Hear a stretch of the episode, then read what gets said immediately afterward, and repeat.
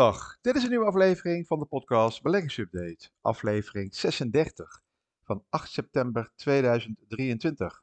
Ja, mijn naam is natuurlijk Joost Borgs. Elke week een kort overzicht over die, eh, de, beurs, al het nieuws, beleggen, aandelen en vermogensopbouw.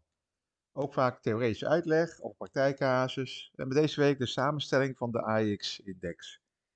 Nou, de koersen smelten. Dat komt niet alleen door het warme weer, maar ook door wat uh, geopolitieke en macro-nieuws.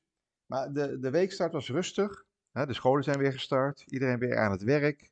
Wat files her en der. En uh, het warme weer. Maar de rust in het begin van de week kwam op de Amerikaanse beurs gesloten waren vanwege de viering van Labor Day op maandag. Dit is een nationale feestdag in Amerika. En volgens mij sinds 1900. Dus al een hele tijd houden ze al uh, dit soort dagen. Amerikanen, Amerikanen en die beurzen zijn vaak, hebben vele maandagen dat ze dicht zijn. Ik denk een stuk of acht of zo. Dus uh, op zich hebben Amerikanen soms wel wat langer weekend, maar korte vakanties. Oké, bij alle bedrijfscijfers, bijna alle bedrijfscijfers zijn geweest. Dus nu is alleen de geopolitieke ontwikkelingen of macro-economisch nieuws. Wat, de wat voor, eigenlijk voor beursbeweging kan zorgen. Ook de maand september, alleen de historische feiten, alleen al over deze maand, zorgen voor angst bij beleggers. September is vaak geen leuke maand voor beleggers geweest. Dus uh, dan moeten we even gaan kijken hoe het nu ook weer uh, uitpakt. Maar ja, dat is allemaal basis historische gegevens. In ieder geval, uh, de eerste dagen begint alweer wat matig. De beurzen reageerden namelijk ook deze week negatief op die hogere olieprijzen.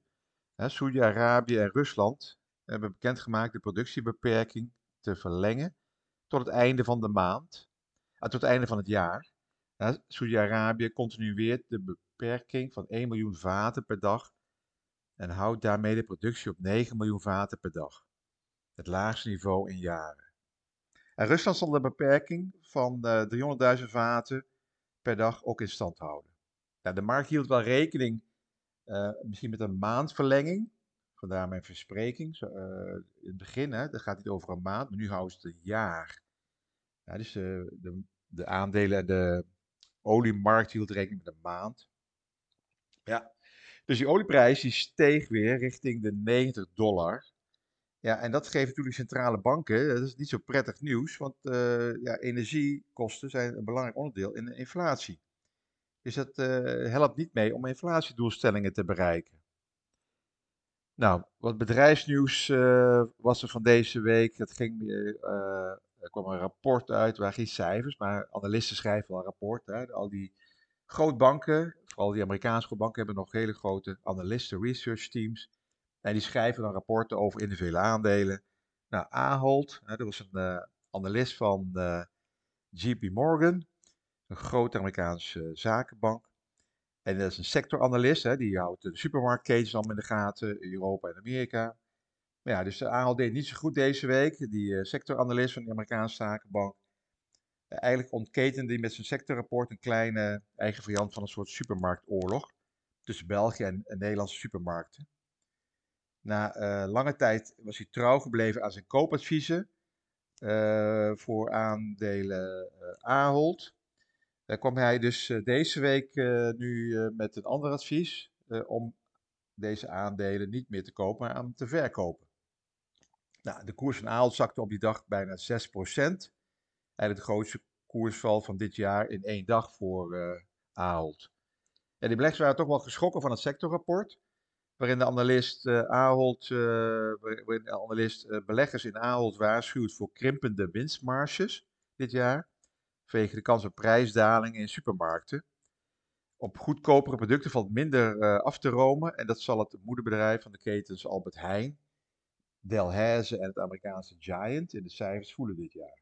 Ahold is ook groot in Amerika. Ahold in het laatste kwartaal een bruto winstmarge van 4,1 en rekent op minstens 4 voor de rest van dit jaar. Maar ja, die analisten twijfelen of die 4 haalbaar is. Dus het gaat bij uh, supermarketen natuurlijk om een uh, hele kleine marge, maar de omzetten zijn uh, behoorlijk groot. Nou, die analist die heeft een voorkeur voor uh, Colruyt, dat is de Belgische supermarktketen. Die is een stuk kleiner dan Ahold, veel kleiner. Maar ja, dit aandeel ging dus, Ahold daalde met 6% en dit aandeel ging ongeveer 10% omhoog. Maar Colruyt zit ook in een, heeft ook een kleine divisie in de energiesector. dus in groene energie. Dus dat helpt ook een beetje. Ja, zo kan je maar kijken hoe uh, dus sectorrapporten of analisten die over individuele aandelen iets schrijven. En vooral die grote Amerikaanse bedrijven, die zakenbanken als Goldman Sachs, Morgan Stanley of JP Morgan, die kunnen behoorlijke koersbeweging in een individueel aandeel veroorzaken. De volatiliteit neemt dan toe.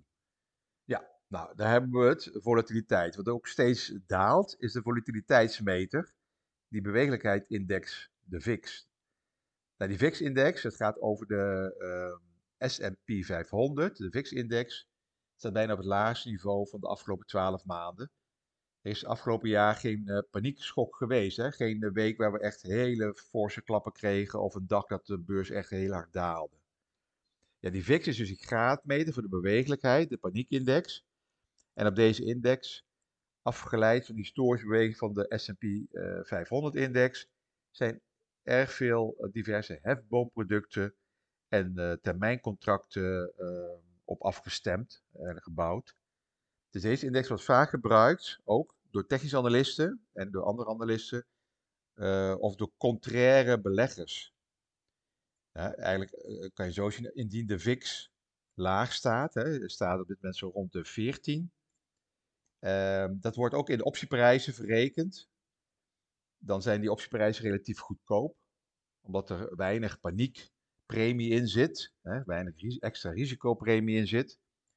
Dan zijn dus uh, beleggers die dan contrair gaan denken van nou, als alles zo laag staat, erg goedkope prijs is, dan, zou, uh, dan is het interessant om te gaan kopen en dan gewoon wachten op er uh, weer ergens een paniek ontstaat op de beurs.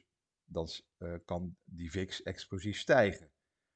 Nou, omgekeerd, indien die VIX enorm hoog staat, hè, die VIX kan wel eens van, van 14 in een paniek naar 40 toe schieten, dan dan krijg je dus tegenovergestelde beweging. Dan vind je alles te duur. De optieprijzen zijn, er zit heel veel risicoopslag in verwerkt. En dan worden die dingen verkocht en dan neem je een contraire positie in. Dus die, het kijken naar VIX, dat doen de professionele beleggers, dat is een belangrijk indicator voor de stand van de markt. Je kan ook zeggen, de VIX is heel erg laag, dat is positief voor de aandelenbeurs. Maar je kan er ook het tegenovergestelde denken. Dus um, ja, die, eh, ook voor de AEX, hè, je hebt tegenwoordig uh, niet voor de AEX een VIX, maar je hebt voor de Duitse beurs, de DAX, heb je ook een, uh, een volatiliteitsindex, de DAX-VIX. Maar ja, over die AEX, hè, nog altijd wordt die AEX-index door veel particuliere beleggers toch nog steeds als maatstaf voor de beurs gezien. De samenstelling van de AEX met 25 namen is door de tijd natuurlijk uh, flink veranderd. Al die tijd is, is het wel een geconcentreerde index gebleven. En dat maakt hem ook kwetsbaar voor uitschieters. Zoals deze maand kan je het zien met Adyen. Uh, of bijvoorbeeld met Shell. Hè. Als uh, Shell enorm stijgt op olieprijzen, dan ja, beperkt dat de daling van de AX-index. Of het helpt juist de stijging van de AX-index. Nou, je hebt dus een aantal aandelen die een grote weging hebben binnen die AX.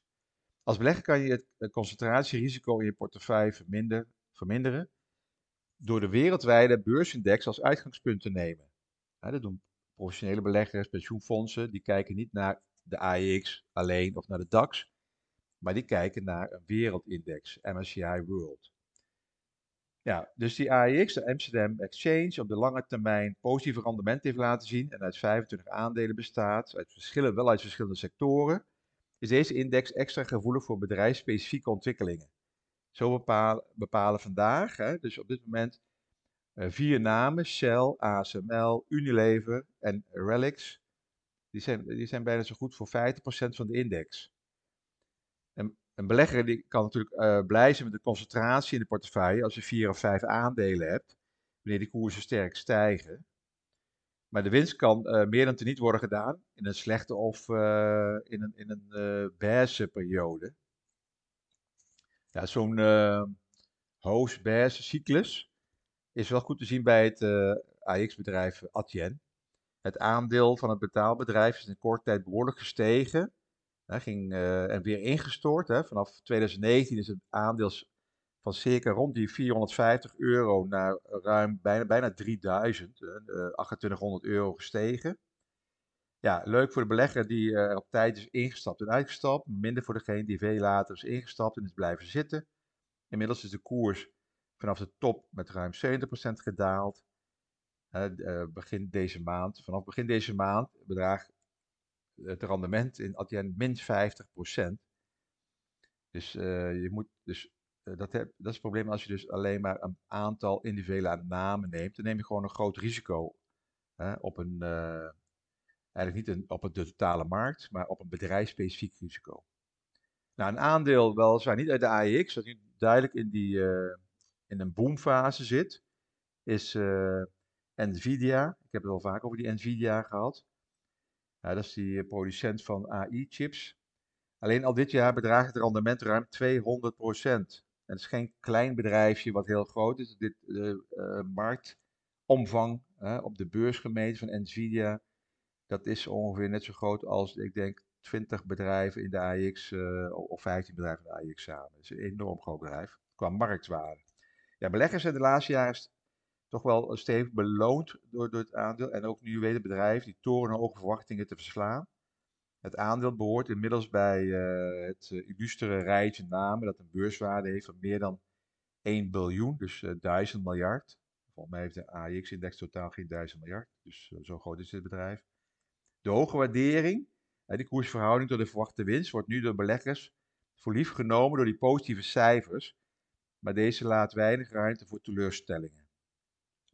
Dus je ziet ook hier, dit aandeel is behoorlijk uh, hard gestegen. Nu zijn er alweer wat van die complottheorieën en uh, geruchten in Amerika dat uh, de, de, omzet toch wel heel bijzonder snel in één of twee jaar, anderhalf jaar tijd zo snel is gestegen.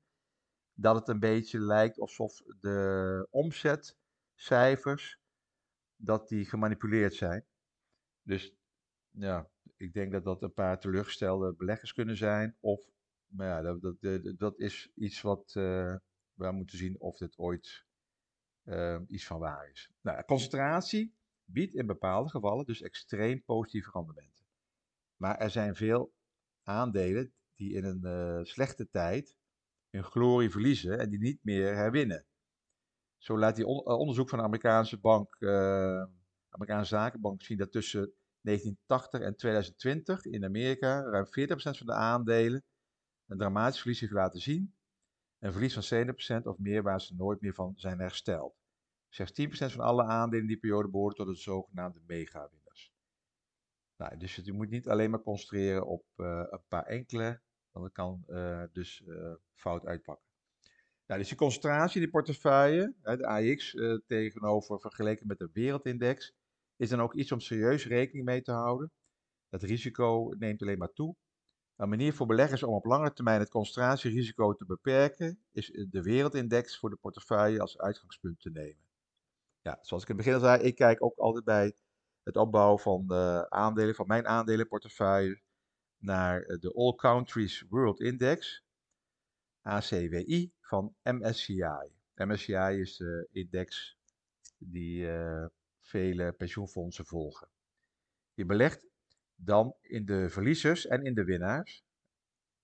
Deze index wordt gedomineerd, wordt wel een beetje gedomineerd door Amerikaanse big tech namen, maar is al met al veel minder geconcentreerd door de, dan de AIX. Want je zit ook namelijk wereldwijd. Hè? Dus geografisch zit je, eh, behalve dat je ongeveer 55% in Amerikaanse uh, aandelen belegt, zit je ook voor de rest nog wereldwijd in aandelen. Uh, Engeland, Duitsland, Nederland, uh, China, uh, nou echt Tokio. Dus zit overal voor de rest belegd. Dus het is minder geconcentreerd dan de, minder geconcentreerd zoals die AEX, waar een paar aandelen de hele index kunnen bepalen. Nou, dus ook dan daardoor minder gevoelig voor individuele uitschieters. Ja, mogelijke indextrekkers die in deze uh, wereldindex uh, beleggen, dus waar je in kan beleggen, zijn bijvoorbeeld de iShares World Index.